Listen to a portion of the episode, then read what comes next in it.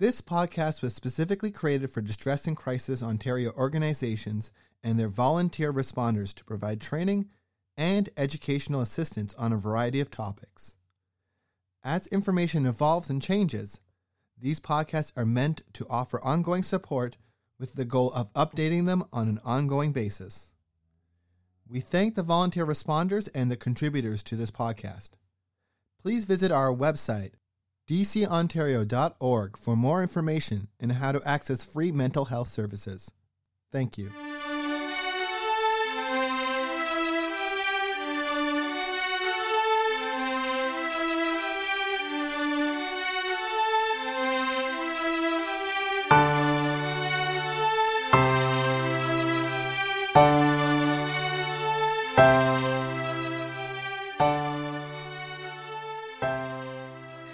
Hello, my name is Caitlin Plant, and I am the Program Manager at Distress and Crisis Ontario.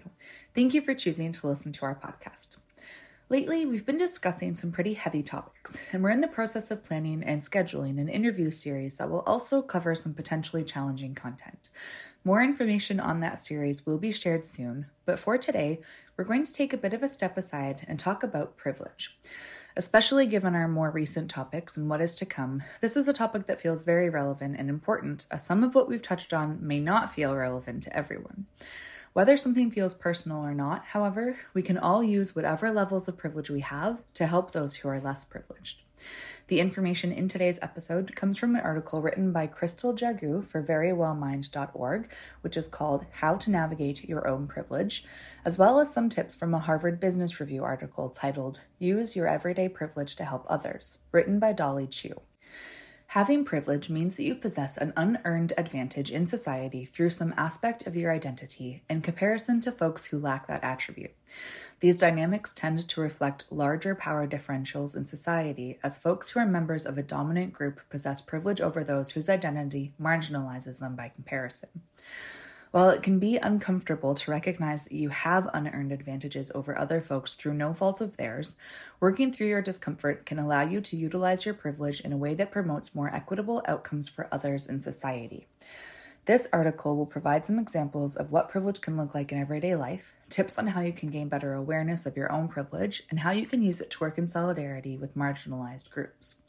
So, what are some examples of privilege in society?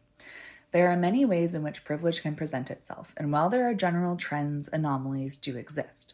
It's possible that certain types of privilege may not hold true in all circumstances. What's more, when people are accustomed to having privilege, that experience is normal for them, and thus it is hard to recognize. For example, you may have privilege based on facets of your identity in the following ways Race. When it comes to race, white folks benefit from an unearned advantage in society, as they are treated better than those who come from other communities based on their skin color. While white folks do experience challenges in life, these challenges are not caused by the color of their skin. In addition to recognizing white privilege, research has found that such awareness of this kind of privilege alone did not result in a change regarding racial bias. However, in addition to recognizing privilege, if white folks also feel empowered by their ability to engage in social change, that allowed them to take the actions needed to address injustice. Doing so ultimately results in an impact on racial biases. Class. Wealthy folks have unearned advantages over those who lack such financial resources because they have greater access to opportunities. In this way, while wealthier individuals may deal with difficulties in life, these hardships are not caused by their increased financial resources in the same way that folks who lack wealth are oppressed. Research shows that talking about class is often difficult because these discussions typically bring up the topic of race, an uncomfortable subject for many. Moreover, these conversations may also affirm the fact that those of a higher class are avoided afforded privileges that others do not have the opportunity to access. Research shows that middle class students were less likely to talk about class than working class students, who had more punitive attitudes than those who were oppressed by class differentials. If those with class privilege avoid talking about that and hold negative attitudes towards marginalized groups, this problematic way of thinking will continue. By this, it is crucial to get comfortable with acknowledging your privilege so you can utilize it for good. Gender. Cisgender individuals possess privilege over transgender and non binary folks. Also, men have unearned advantages over marginalized genders. While those who identify with the gender that they were assigned at birth may experience challenges, these difficulties are not tied to their identity as a cisgender individual. In contrast, cissexism greatly impacts the lives of trans and non binary folks. Similarly, the difficulties that men face are not a result of their gender. Due to this, gender privilege oppresses marginalized genders and negatively impacts their lives in various ways.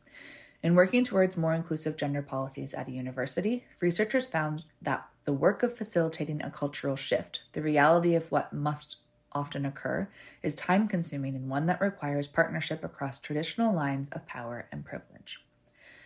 Ability. Regarding ability, folks who are able bodied have unearned advantages over disabled folks, which impacts their lives. Those who do not experience disabilities possess privilege over disabled individuals. Research on the experiences of ableism found that 28.3% of the disabled students reported having experienced microaggressions in their social work classes, such as minimizing or dismissing disability issues, bullying, etc. If these issues are being reported in an academic program in which faculty are expected to promote equitable outcomes, a core value of the social work field, it shows how those working in academic institutions can fail to acknowledge their own able bodied privilege when relating to disabled folks. Sexual orientation. With respect to sexual orientation, heterosexual folks possess privilege over other sexual orientations as they benefit from societal constructs that place them in the dominant group over folks who are homosexual, pansexual, asexual, etc. While heterosexual folks may experience difficulties in their lives, these are not related to their sexual orientation. A study of heterosexual women sampled at 20 year intervals from 1952 to 1992 found that social changes in attitudes can and did occur during the first 20 years, but less so in the second 20 year period. In this way, it is easy to see how those with privilege often take it for granted. These are just a few examples of how you can possess privilege in our society, but there are many other aspects of your identity whereby you may have an unearned advantage, including age, religion, language, education, citizenship, appearance, and body size. Now that we know what some forms of privilege are, how do we gain awareness of our privileges? Like most things, becoming aware of your privilege takes work, but if you are interested in helping to promote equitable outcomes for all folks, such investments and efforts to better understand your privilege can pave the way towards dismantling oppressive systems and attitudes. This is really a challenge for all of us because of how we are socialized in society and because of the constant messaging we get in all different forms education, media, etc., about all of these different types of anti-isms. Some of us would benefit from having someone we trust, be it a family member, friend, therapist, or someone else, assist us with identifying privileges if we are unable to thoroughly work on it by ourselves. It is something that must be continuously worked on. What about intersectionality? Back in 1989, Kimberlé Crenshaw first coined the term intersectionality to highlight the many attributes of one's identity. So, what is intersectionality? It describes all of the ways in which an individual may be disadvantaged.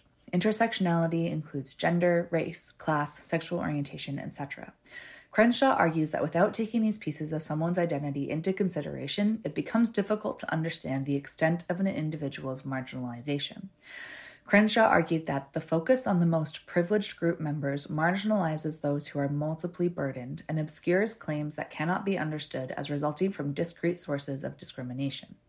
In other words, once you have an understanding of the aspects of your identity that afford you certain privileges, it can be helpful to reflect on how your privilege manifests itself in different situations. So, how can intersectionality highlight your privilege? If you are white and able to reflect on your white identity and think critically in terms of your understanding of law enforcement, whereby black folks are killed at a rate that is 2.8 times higher than that of your white counterparts, you may understand whiteness as a privilege.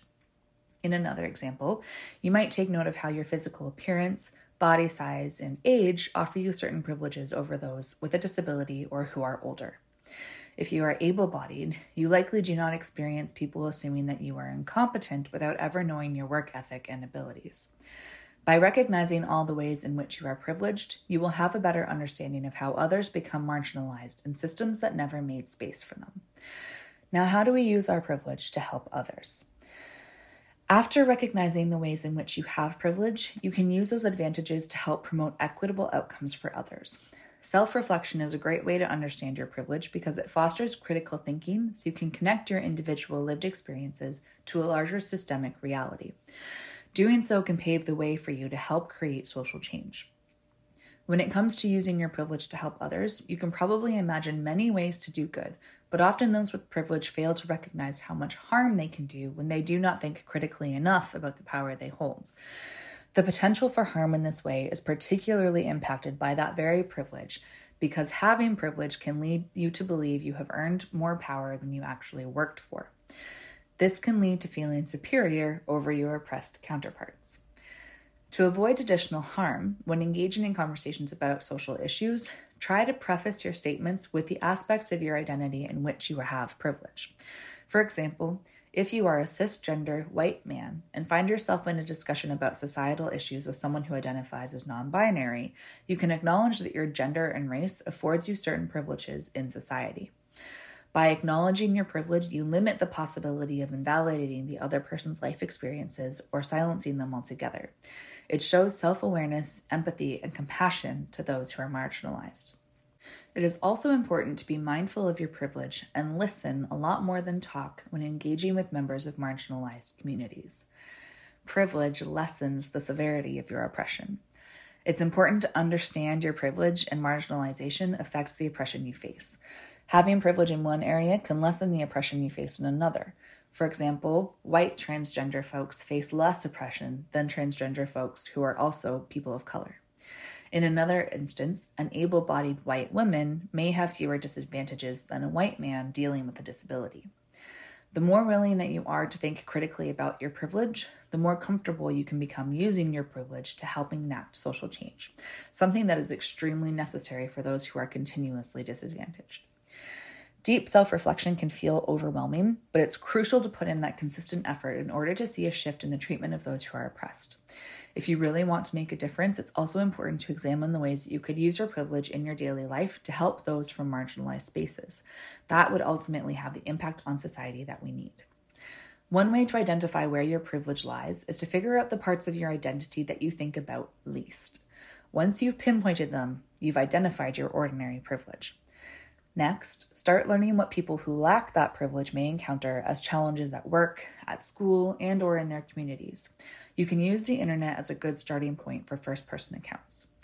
Then, look for opportunities to speak and act. We can confront people when we see privileges being abused, and, but we can also ask questions, raise issues, and add perspectives that are not organically emerging in discussions. We can introduce data, invite people into conversations, and create buzz around ideas. We can amplify the views of people not being heard and bring back conversations when someone is interrupted. We can give credit for people's work and ideas and spread the word about their talent. We can notice when bias is playing out around us and name it when it happens. Finally, be thoughtful about moments when you may inadvertently speak over the group you are meaning to support. It is not unusual to accidentally center ourselves instead of the people to whom we are trying to be an ally, but it is costly. When it happens, step aside or step back and learn from those whose lives are directly affected by the issue rather than presenting ourselves as the experts. Take their lead while using your ordinary privilege. Thank you for listening to this week's episode. I hope you found it helpful and maybe even a little bit challenging at times. Sometimes we need to be challenged to recognize a need for change. The article featured in today's podcast is also available in our August newsletter. If you'd like to receive more information like this straight to your inbox, please consider signing up to our mailing list on our website at www.dcontario.org towards the bottom of our homepage. We use our mailing service to send out a monthly newsletter that contains four to five articles like this one, updates from DCO and our member centers, news from the Government of Ontario, and more. Plus, we send out the occasional invitation to events or other announcements, but we certainly will not spam your inbox at any time. As always, if you are in need of support for any reason, please don't hesitate to connect with your nearest member center and or ONTX. You can find your nearest center by visiting www.dcontario.org forward slash locations, and ONTX is available from 2 p.m. to 2 a.m. Eastern Standard Time daily via online chat from any page of our website or by texting support to 258 258. Thank you again for listening. I hope you have a great week and join us again next time.